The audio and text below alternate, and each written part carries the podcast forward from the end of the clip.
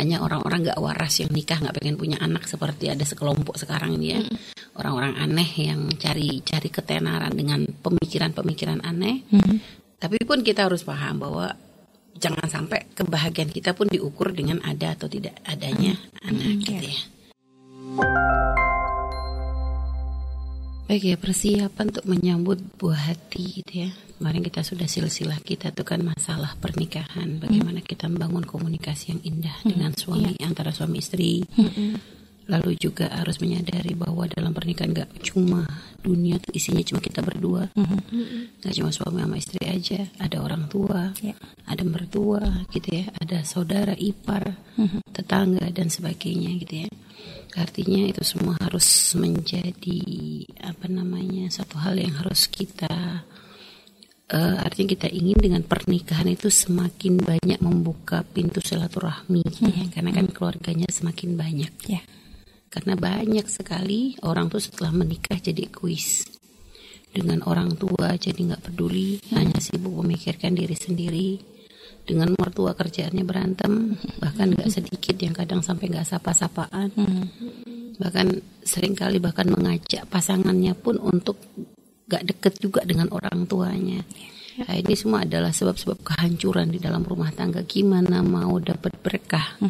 Gimana mau rumah tangganya bahagia kalau dengan orang yang paling punya jasa besar kepada diri kita atau kepada pasangan kita, kita ternyata berlaku bolim gitu ya.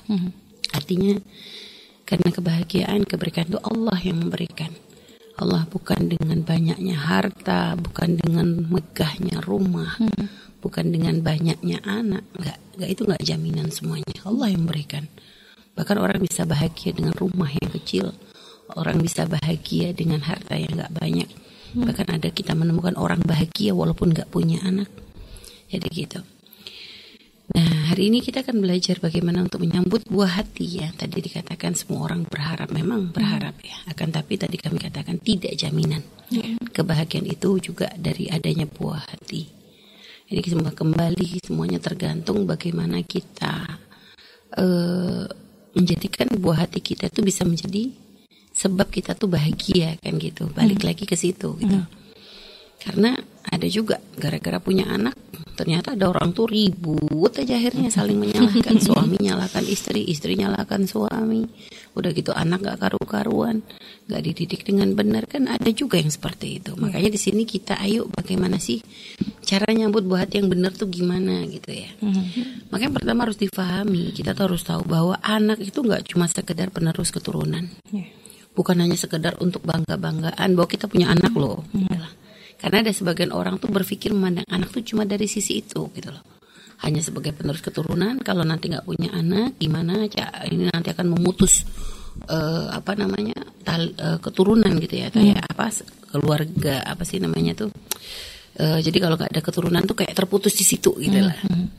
Sehingga kadang punya anak dan dan nggak punya punya anak atau nggak punya anak tuh kadang bisa menjadi sebab orang tuh ribut gitu ya termasuk ya kadang kalau gara-gara gak punya anak juga ya kadang bisa jadi orang tua pun akhirnya ikut-ikutan sampai pernah ada seorang tua menyuruh anaknya mencerai put- istrinya karena nggak punya anak. Itu kan banyak kasus terjadi seperti itu.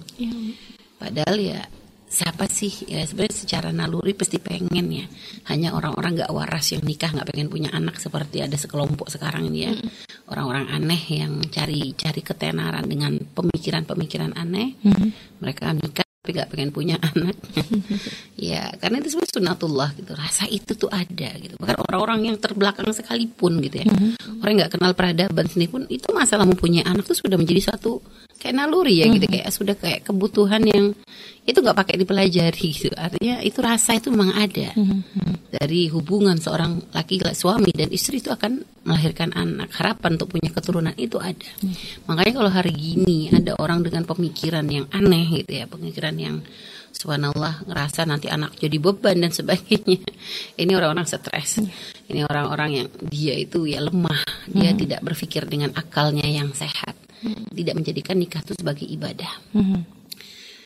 Tapi pun kita harus paham bahwa jangan sampai kebahagiaan kita pun diukur dengan ada atau tidak adanya anak gitu ya. karena ya anak itu kan pemberian dari Allah. Nggak bisa dipaksa. Seorang istri nggak bisa dipaksa harus punya anak sebagaimana seorang istri nggak bisa ditetapkan harus punya anak laki kah atau perempuan. Nah, itu semua Allah menetapkan kok. Jadi gitu. Maka sekarang yang harus difahami dulu gitu ya artinya kesadaran. Ketika sudah pernikahan kita sudah terjadi pernikahan lalu hendaknya sudah bisa menjalin hubungan baik dengan semua semua pihak gitu ya. Eh, lalu setelah itu apa? Ya setelah itu memang kalau misalnya eh, ketika kita mulai berpikir lagi untuk mempunyai keturunan minimal komunikasi itu harus terbangun dengan baik jadi tadi pahamkan dulu pemikiran jangan sampai salah paham dalam pemikiran bahwa anak tuh hanya sekedar untuk sambung silsilah keturunan kita enggak. Tapi ini anak adalah karunia dari Allah. Yang namanya karunia atau nikmat itu bisa menjadi sebab seseorang semakin dekat dengan Allah Ya. Dan juga bisa menjadi sebab orang tuh dimurkai Allah kan gitu. Kayak harta kan gitu. Ya. Bisa jadi sebab orang tambah dekat, tambah mulia, bisa jadi sebab orang tambah dimurkai kan gitu. Ya, ya. Ya anak juga sama, anak tuh bagian dari nikmat, dari rizki yang Allah berikan, yang Allah tetapkan untuk hamba-hambanya kan gitu, untuk si fulan, si fulan, si fulan gitu. Ada ketetapan sudah. Siapa anak kita itu sudah tercatat, berapa orang anak kita, laki kah atau perempuan itu sudah ada catatannya semuanya. Ya. Artinya sekarang yang PR kita itu adalah bagaimana kita ini nanti ketika Allah memberikan kepada kita keturunan, nah kita bisa menjadi orang yang menghantarkan mereka kepada kemuliaan yang sesungguhnya. Itu loh. Ya. Karena tadi mereka nggak cuma sekedar anak yang kita lahirkan lalu kita ka- berikan kasih sayang nggak cukup, tapi juga harus bisa kita bimbing dia untuk bisa kenal dengan Tuhannya, untuk bisa kenal dengan nabinya, untuk bisa bangga dengan agamanya, Ya. untuk bisa menjalankan syariatnya. Lah itu loh. Pentingnya adalah di situ. Sehingga makanya pemahaman akan hal ini menjadikan kita ketika kita akan menjadi orang tua tuh kesiapan kita tuh nggak hanya kesiapan zahir, tapi juga kesiapan batin. Kalau kita memahami makna ini, kita nggak akan sekedar eh, apa ya dari mulai proses hamilnya saja tuh kita sudah berpikir tuh jangka panjang. Karena kita ingin menjadikan anak kita orang mulia, dekat dengan Allah, artinya menjadi anak hamba yang taat kepada Allah, taat kepada Nabi Muhammad. Maka kita pun dalam proses kehamilan tuh udah ngejaga banget gitu loh. Udah ngejaga perilaku kita karena apa yang kita lakukan itu akan nyambung kepada anak. Ya. Yang kita makan aja nyampe ke anak. Jadi yang kita lakukan pun nyambung gitu loh. Dan keyakinan ini bukan hanya keyakinan dari orang muslim, orang kafir pun meyakini. Makanya kenapa ada tradisi orang kafir, orang wanita hamil dengerin musik jazz. Nah gitu kan, bahkan orang Yahudi kami pernah membaca orang Yahudi wanita-wanitanya disuruh ngerjain soal-soal matematika yang banyak. Karena harapannya itu tadi anak jadi cerdas katanya. Jazz punya ya apa dengerin musik jazz juga katanya bikin otak cerdas. Ya, karena memang musik itu kan ibadah mereka, wajar mereka punya konsep ini gitu loh.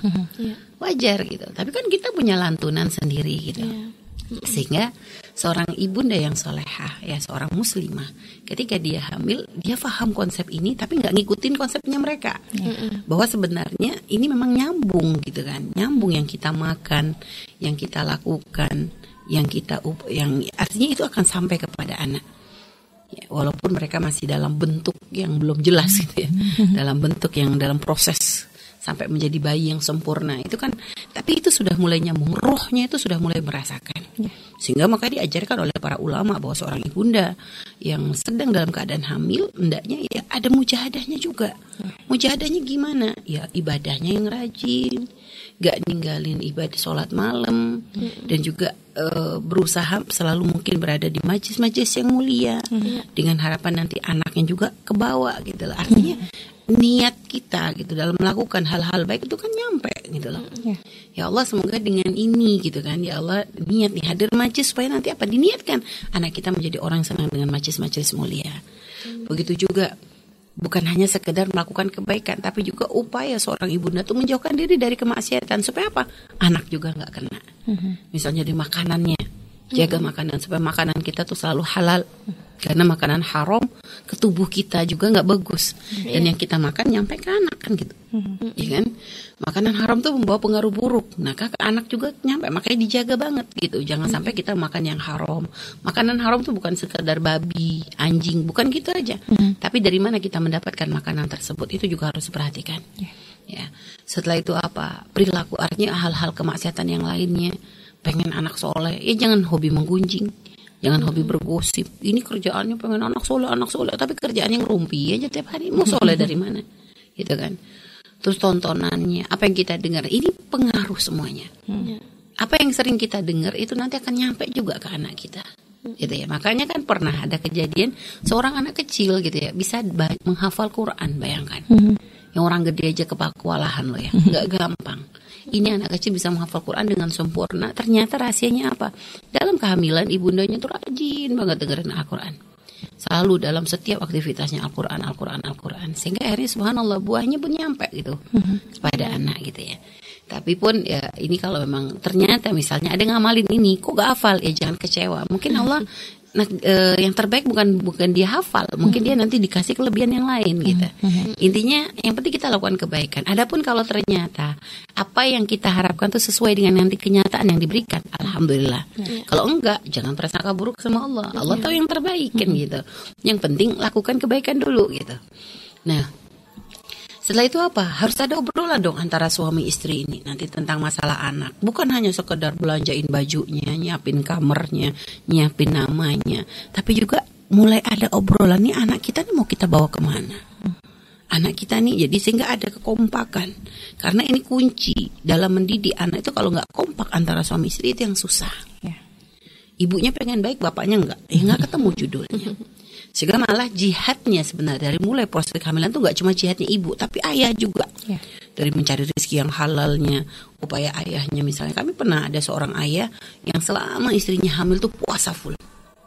Puasa diniatin apa? Untuk anaknya. Masya Allah. Masya Allah. Nah, ada yang seperti itu gitu loh. Jadi mau sama mujahadah karena harapannya gede supaya anaknya menjadi orang besar, menjadi orang mulia, menjadi orang nah, gitu lah. Masya Allah.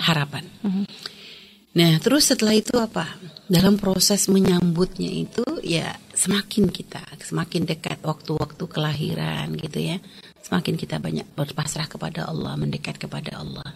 Karena itu proses yang luar biasa gitu. Seorang ibu tuh Masya Allah ya. Menjadi seorang ibu tuh sesuatu yang sesuatu banget gitu ya. Eh, subhanallah gitu. Kita kadang merasa berpikir kok bisa gitu ya. Kita tuh merasakan sakit ya dengan lahirnya anak dari mulai hamilnya dan puncak sakit waktu melahirkannya.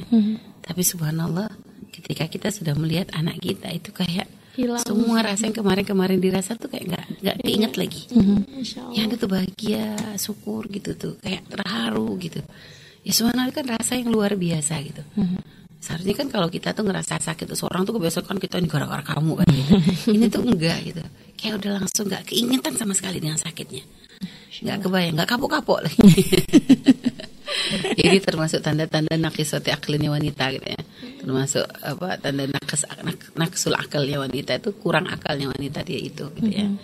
Ya, merasakan sakit tapi bahagia. itu kan namanya orang kurang akal. Tapi ya memang seperti itulah dibuat oleh Allah Subhanahu wa taala.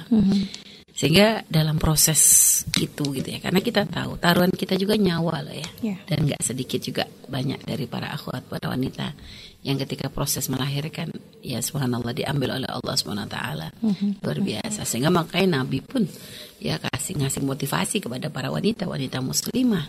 Artinya yang seorang wanita yang meninggal dalam keadaan seperti itu syahid. Allah. Karena dia kayak orang jihad gitu kan, dia mengeluarkan bayi, masya Allah taruhan sampai ada yang meninggal begitu itu pahalanya luar biasa gede itu. Dan tidak akan ahli iman bisa sampai dicabut nyawanya dalam keadaan dia eh, apa namanya dalam keadaan dia melahirkan kecuali memang spesial ya. Dia syahid seorang wanita soleha insya Allah.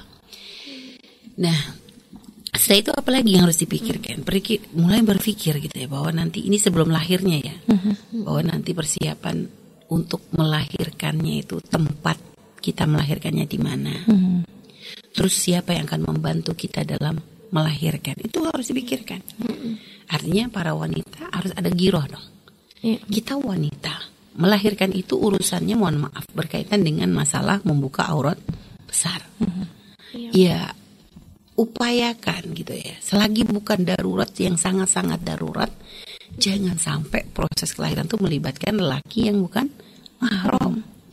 Sama-sama wanita aja nih sebenarnya sudah ini gitu loh. Kita udah malu banget ini. Jangan malah diberikan ditunjukkan kepada laki-laki. Hanya karena mohon maaf gak percaya kepada dokter perempuan misalnya nggak percaya kepada bidan nggak percaya. Ini kadang menjadi akhirnya pakai dokter laki-laki. Bukan apa ini masalahnya masalah kehormatan. Pahami itu gitu loh. Ada ada malu dong. Iya. itu tempat yang khusus yang ya subhan orang tua kita aja nggak pernah ngeliat gitu loh. Ya, jadi satu-satu yang melihat adalah suami kan gitu. Murmur kita tiba-tiba kita tunjukkan kepada laki-laki yang bukan mahram. Malu tuh harus ada. Ya. malu tuh harus ada. Jadi mikirkan tempat melahirkannya. Kalaupun ternyata subhanallah kita memang benar-benar harus dibantu oleh seorang dokter lelaki atau orang lelaki yang memang nanti yang untuk bantu kelahiran. Karena nggak ada solusi misalnya. Hanya itu solusi satu-satunya minimal upayakan seminim mungkin gitu loh. Artinya kalau kalau memang benar-benar mentok ya gimana lagi lain lagi gitu ya. Cuma kita jangan langsung ngerasa ya gimana lagi darurat gak jangan kayak gitu gitu. Tetap aja ada rasa nyeselnya tuh sedihnya, terpukulnya kayak itu harus ada gitu. Jangan sampai kecabut gitu loh. Jangan sampai rasa susahnya kita, rasa sedih itu kecabut tuh gak boleh. Itu berarti kita benar-benar udah lepas iman. Tapi kalau kita masih ada rasa malu gitu ya dan Yakinlah kalau kita minta kepada Allah, ya Allah bantu untuk jaga kehormatan, bantu untuk jaga kehormatan. Allah kasih jalan kok. Insya Allah Allah kasih jalan. Seandainya ternyata memang harus mentok begitu, nggak dosa sudahan. Yang penting kita upaya dulu, upaya dulu kita dengan upaya zahir, upaya mencari-cari, dengan juga doa juga gitu ya. Nah ini berpikir. Terus setelah itu apa? Persiapannya nih untuk semakin mendekati waktu kelahiran, semakin harus mendekat kepada Allah. Ini para wanita kalau lagi udah mulai susah-susah sholat banget, kalau lagi hamil perut perut udah gede, ruku susah, sujud apalagi misalnya ya, tetap jangan pernah ninggalin sholat. Iya. Artinya Anda bisa sholat dengan duduk. Nggak bisa duduk, nggak bisa duduk di kursi selonjor. Apalagi pokoknya Anda nggak bisa duduk baring sudah. Duduk pun seposisinya yang paling nyaman aja. Bisa di kursi-kursi. Nggak bisa di kursi ya senderan sambil selonjor. Semampunya Anda untuk duduk. Kalau ternyata duduk juga susah baring lah lihat. Intinya jangan sampai di waktu-waktu begitu meninggalkan. Nah terutama nanti di waktu mau lahiran nih. Karena selagi waktu kita mau lahiran, selagi memang tidak ada sesuatu menjadi penghalang sholat, nggak boleh. Tetap kita tetap wajib sholat. Iya. Nah, misalnya eh, yang keluar air ketuban, air ketuban tuh tetap wajib loh ya. Banyak wanita kadang mikir air gara-gara keluar air ketuban udah nggak boleh sholat lagi. Enggak. Kalau air ketuban anda tetap wajib sholat. Itu tetap nggak ada nggak ada larangan itu bukan haid bukan nifas itu. Iya. Tapi biasanya dengan mulai dengan darah mi. Nah sekarang dilihat darahnya. Darahnya ini kira-kira eh, men- memenuhi syaratnya haid nggak? Karena biasa darah mau melahirkan beda dengan darah setelah melahirkan. Darah sebelum melahirkan tuh kalau dalam fikih disebut damu talak. Darah yang meng- sebelum lahir tuh namanya damu talak. Jadi eh, itu tetap wajib sholat sebenarnya. Karena biasanya darahnya tuh gak lama. Iya. Biasa berapa gak sampai gak sampai memenuhi syaratnya haid. Syaratnya haid kan 24 jam. Minimal darah tidak kurang dari 24 jam. Biasanya itu nggak sampai sebegitu. Langsung dilahir lanjut lahiran lanjut nifas. Berarti kan itu bukan darah head gitu loh. Tapi itu darah nanti baru setelah lahiran nifasnya iya. Tapi ini sebelum ini nggak. Berarti kalau ada jam sholat di situ dan kita belum sholat, kita ada hitungan kodok. Kita harus dihitung. Ya, makanya jangan jangan sampai lalai di situ. Nah, bagi yang mungkin ternyata dijadwalkan operasi, maka Anda harus pintar-pintar juga untuk misalnya Anda mau dioperasi jam 4 nih. Jam 4 Anda dioperasi dan Anda nggak ada keluar sesuatu nggak ada wala ketuban wala darah misalnya. Cuma emang Anda udah dilihat mungkin bayi nyungsang kah atau mungkin ya apalah intinya Anda nggak bisa lahir normal deh. Anda harus lahir operasi tapi Anda sudah tahu nih jamnya sore jam 4. Kalau begitu apa? Anda sholatnya di jamak takdim. Karena biasanya proses operasi itu kan bukan langsung Anda masuk ruangan langsung dibelah gitu kan enggak. Iya. Ada proses panjang, ada pemeriksaan-pemeriksaan.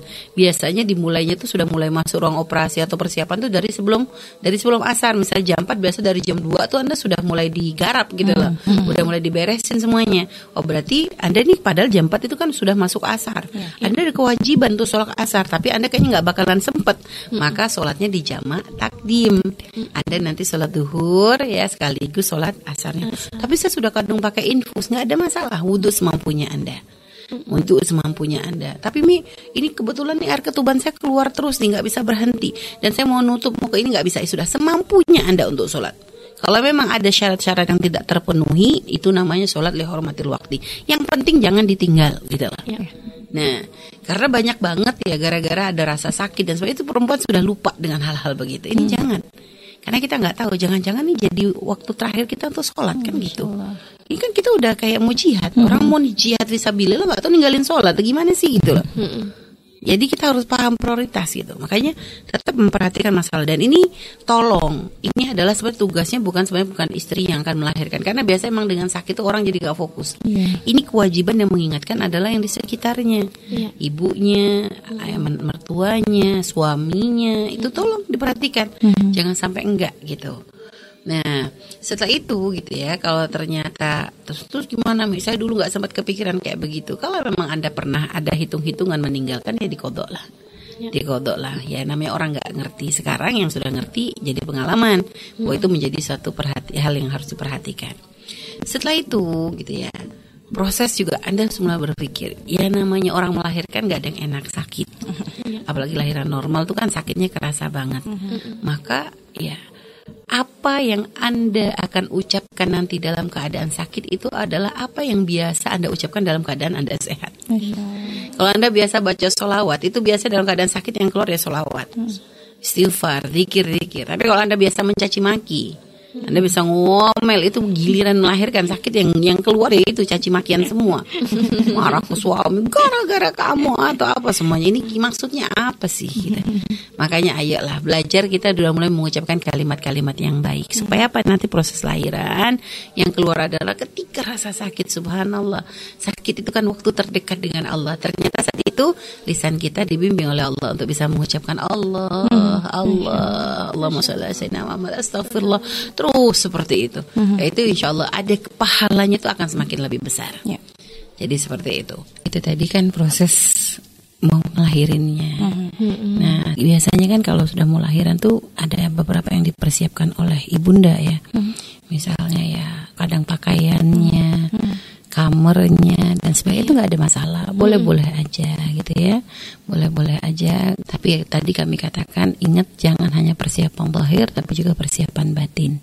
Minimal kalau Anda pengen menyiapin kamar untuk anak Anda, jadikan kamar itu bukan hanya sekedar bagus uh mewah komplit nggak itu juga. Ah, tapi mungkin anda juga harus nyiapin apa sih nanti yang bakalan didengerin terus oleh anak anda tuh? Misalnya mungkin anda bisa pasang murotal di situ supaya nanti anak anda ya terus dengan lantunan ayat-ayat Al-Quran gitu ya terus kalau misalnya yang punya kemampuan nih yang ternyata mungkin bisa manggil kayak baby sister gitu ya. Anda pun harus bisa memerhatikan hal tersebut.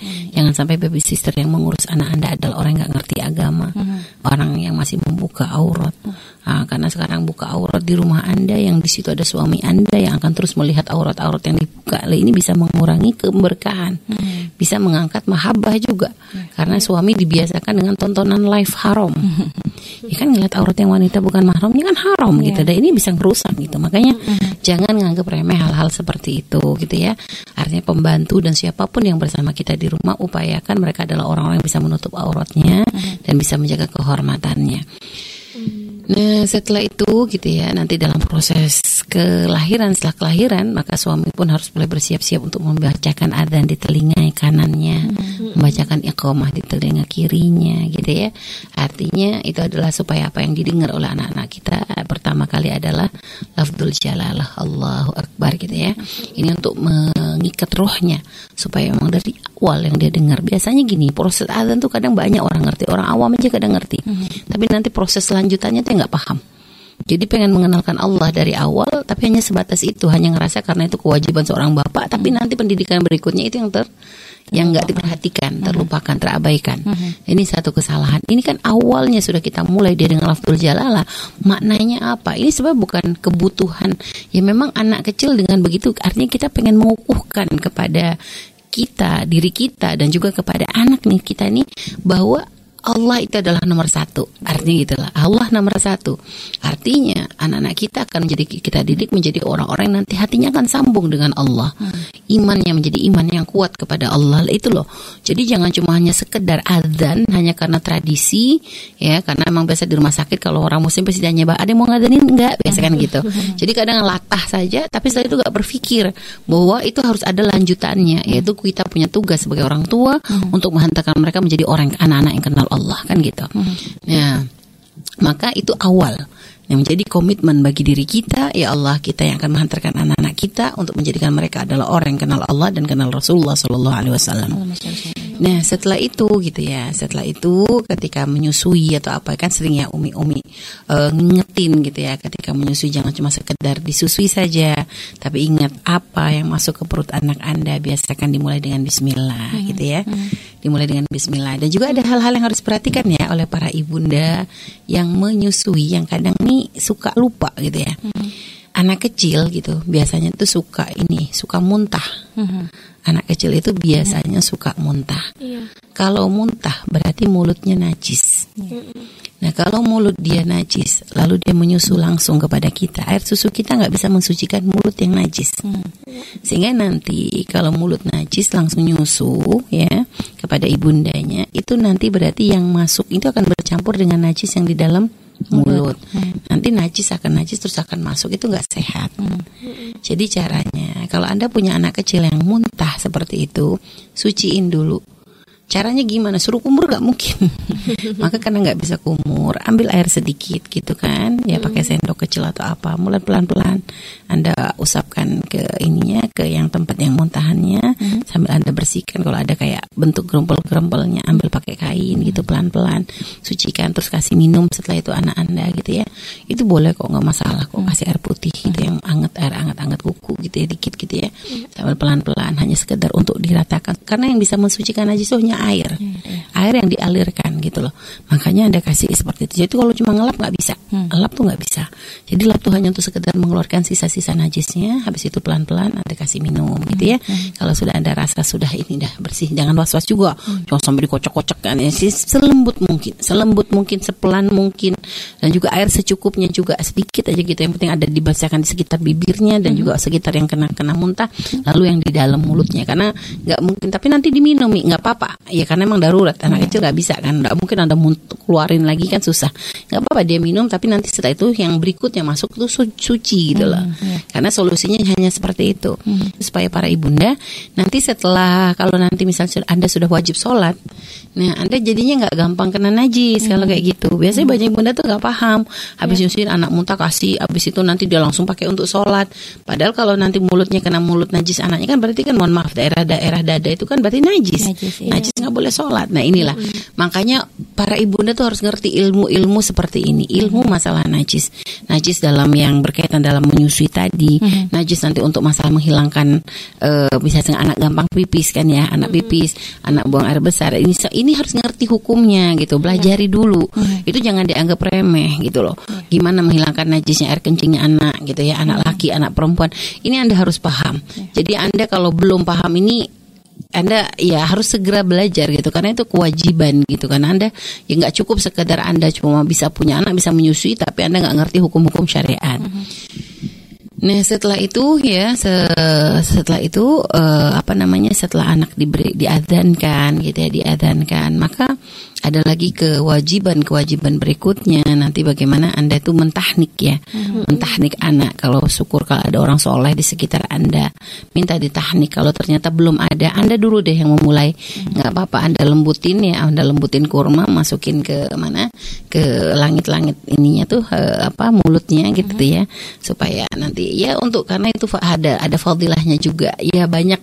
Kita pernah baca katanya ya Allah alam ini mungkin yang ngerti ya ahli kesehatan yang pertama kali masuk kalau di anak di teknik seperti itu itu nanti kan ada ngandung glukosa jadi kayak bikin kekuatan ke anak supaya nanti dia tuh kuat juga untuk menyusui gitu lah. Hmm. Nah kalau anda bisa misalnya kayak kalau zaman dulu para sahabat langsung dibawa ke Nabi hmm. lahir tuh sebelum masuk apa-apa mereka pengennya yang masuk pertama kali ludahnya Nabi Muhammad. Hmm. Dan sekarang kan nggak ada. Terus gimana? Ya kalau anda sekarang mungkin kalau anda nggak bisa langsung membawa karena biasa di rumah sakit kan ditahan dulu hmm. kayak nggak bisa langsung hmm. atau kalau langsung dibawa kan ya resiko banyak lah sekarang kan nggak segampang ya nggak kayak dulu gitu loh mm-hmm. kondisinya. Mm-hmm. Ya sudah sekarang mungkin anda dulu gitu kan nanti kalau anda ketemu orang soleh anda minta barokah lagi gitu lah. Ya jadi gitu membiasakan anak kita kenal dengan pewarisnya para nabi. Mm-hmm. Orang-orang yang menjadi penyambung lisannya nabi. Anda husnudon di situ dengan nanti mendapatkan ditahnik oleh mereka ada keberkahan insya Allah. Jadi sebab anak anda sambung dengan kekasih-kekasihnya Allah. Nah itu. Nah setelah itu setelah tahnik gitu kan ada nanti ada juga persiapan mulai memberi nama. Nah kalau bisa nih nama nih sudah mulai anda siap-siapin dari sebelum lahir tuh sudah mulai ada ancar-ancarnya supaya nanti nggak bingung kalau udah lahiran siapa yang namanya gitu jadi nggak pusing setelah lahir. Tapi sebelum tuh sudah ada ancar-ancar minimal seperti ini ini gitu ya. Dan nama yang paling bagus tentu anda ambil dari nama-namanya para nabi orang-orang soleh gitu ya. Ada keberkahan di situ karena nama tuh kan mengandung doa. Dan juga ketika anda ingin memilih nama untuk anak anda titipkan di situ apa sih yang anda niatkan dengan beri nama anak. Anda pengen ngasih nama anak Muhammad. Kenapa? Karena paling bagusnya manusia, paling bagus akhlaknya manusia, paling bagusnya manusia Rasulullah. Pengen anaknya tuh bisa niru akhlaknya Nabi Muhammad. Anda pengen ngasih nama Anda Zahra misalnya. Apa kenapa? Ya karena Zahra itu adalah panggilan dari Sayyidah nama lain dari Sayyidah Fatimah. Anda berharap supaya Anda bisa mendapatkan memiliki rasa malu seperti rasa malunya Sayyidah Fatimah, memiliki akhlak mulia seperti akhlak mulia Sayyidah Fatimah. Sambungkan gitu niat. Jadi dari awal tuh begitu. Dan jangan macam-macam ngasih nama anak-anak tuh gak usah pusing-pusing. Kalau orang Indonesia tuh ribet kasih nama. Jadi kadang suka ngasih nama diringkes lah. Jadi ringkesan ya yang boleh, ya boleh sih. Tapi maksudnya tuh ya maknanya apa gitu. Kadang pengen kayak nama tuh punya kisah gitu supaya mengandung kisah. Ya bisa aja, tapi paling tidak apa yang diajarkan Nabi masalah memilih nama tuh Anda pakai dulu gitu loh. Kalaupun nanti memang harus pakai kayak begitu tambahan. Jangan sampai ini mengulang menghilangkan yang dianjurkan gitu. Karena nama tuh kan ini akan menjadi nama yang dipanggil nanti di hari akhirat. Kita pengen anak-anak kita tuh bangga dengan nama-nama mereka. Karena nama mereka tuh ada ada makna, ada sesuatu hal baik yang diniatkan dari pemberian nama tersebut.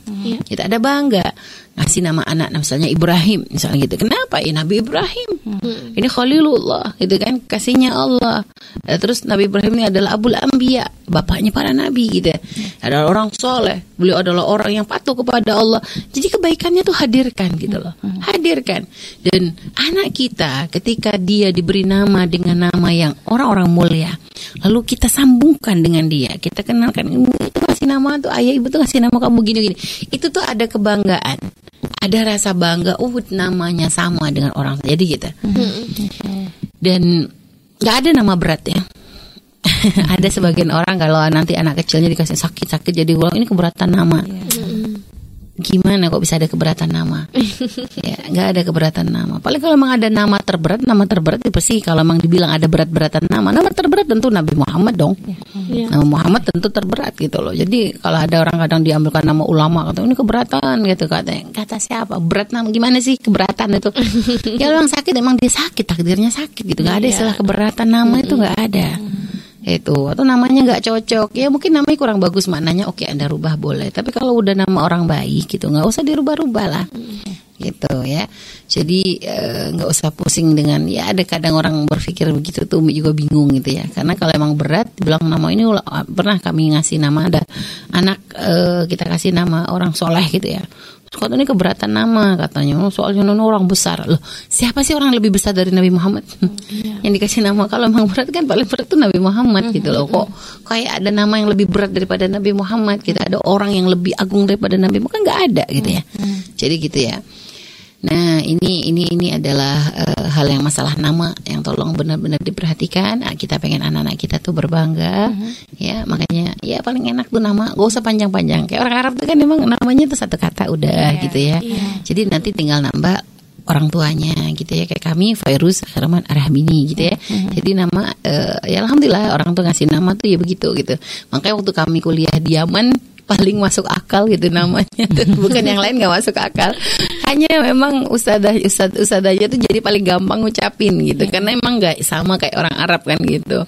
Kalau teman-teman kan panjang ada sampai tiga suku kata gitu ya. Sampai waktu itu ingat gitu kalau udah ngabsen tuh ustadzahnya pada ketawa aja. Ini nama tuh panjang-panjang banget. Ya nggak? Bukan bukan ngejek cuma ya aneh gitu di sana tuh nggak dianggap umum gitu tapi memang kalau di kita ya udah kayak tradisi gitu ya. Namanya kayak kalau nggak ada tiga suku kata kayak nggak afdol gitu.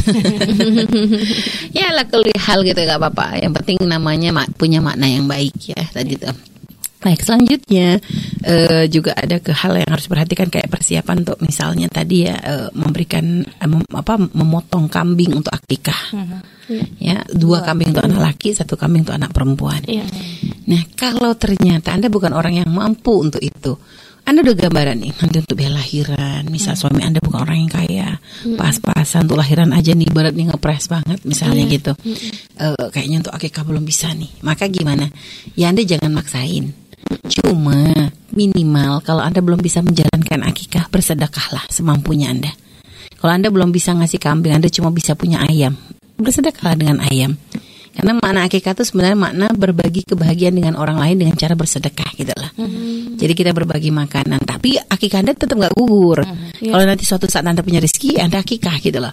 Cuma selagi Anda belum, maksud Umi gitu loh. Anda tuh kayak mancing dulu gitu lah. Iya. Gitu subhanallah Anda lakukan hal itu sup- supaya Allah kasih jalan gitu kan setelah itu. Jadi jangan sampai gara-gara kita ngerasa kurang langsung pelit tuh kita akikah orang nggak mampu kok. Ya oke Anda nggak mampu untuk berakikah dengan seperti yang diajarkan dengan kambing satu atau dua gitu ya. Tapi kan Anda bisa berbagi. Ini adalah bentuk rasa syukur ya Allah alhamdulillah saya sudah kasih anak. Gitu. Paling nggak ngumumin ke tetangga ini loh saya sudah punya anak gitu. Minimal Anda bisa kirim-kirim makanan apa kayak ayam. Ayam aduh lagi mahal Mi katanya sudah telur ya. Mi telur sekarang sama ayam saya ingat. aduh kalau udah kayak gini nih dah pokoknya pakai tempe tahu gitu ya atau apa semampunya Anda. Anda punyanya apa? Tempe tahu juga nggak punya bolet. Aduh apalagi sekarang. Ya mau Anda nggak punya apa-apa yang bisa dibagi gitu ya. Minimal selagi ada yang bisa dibagi bagilah gitu sesuaikan dengan kemampuan Anda. Gak usah ragu, gak usah khawatir gitu. Maksudnya ya ber- eh, syariat itu tidak pernah memberatkan kepada siapa pun. Cuma syariat mengajarkan kita untuk tidak menjadi kikir.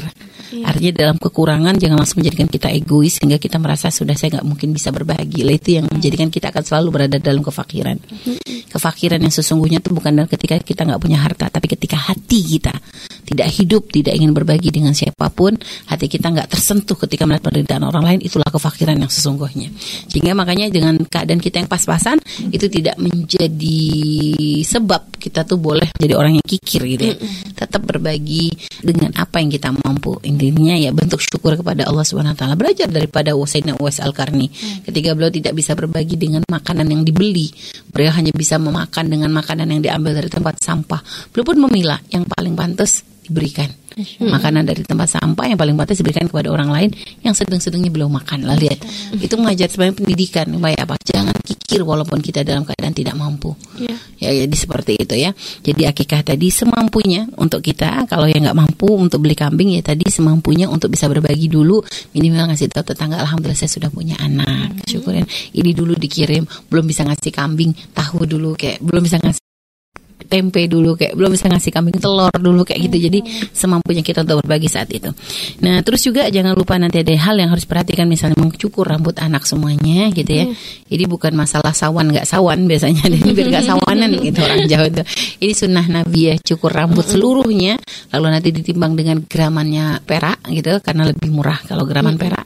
Kalau dapatnya 0,1 ya dihitung aja satu itu segitu tuh berapa perak tuh berapa duit gitu lah. Nanti disodakohkan gitu. Jadi di gram dengan gramannya dapatnya apa? Biasa nggak kira dapat satu gram tuh rambutnya dikit banget. Biasa paling setengah gram gitu. Ya kalau satu gramnya 80 misalnya nih misal atau satu gram sekarang misalnya perak 100 ribu ya kalau setengah gram ya berarti eh, eh, gitu. Jadi seperti kita 50 ribu gitu ya. Jadi itu nanti disodakohkan gitu diniatkan. Tergantung. Heeh, dengan graman rambut tadi itu ya. Nah, pakai perak ya, bukan pakai emas. Nih saya banyak duit, pengennya pakai emas ya boleh. Anda jangankan itu, Anda mau sodako dengan satu kilo emas juga boleh kok. Bebas masalah sodako itu. Jadi yang penting ya kalau ini paling tidak diupayakan seperti itu. Baik ya, ini gambaran persiapan-persiapan harus diperhatikan oleh seorang tua ketika menyambut buah hatinya dan terus memohon kepada Allah belajar bagaimana kita menjadi ibu yang soleha bisa menjadi contoh yang baik bagi anak-anak kita terus kita suami kita juga ajari untuk bisa kompak dalam mendidik anak-anak kita intinya sama-sama mengarahkan terus menciptakan lingkungan yang indah bagi anak-anak kita agar telinganya selalu mendengar hal-hal yang baik matanya selalu melihat hal-hal yang baik. Dan insya Allah semoga itu bisa menjadi sebab pembimbing hatinya untuk menjadi eh, manusia yang baik insya Allah Allah alam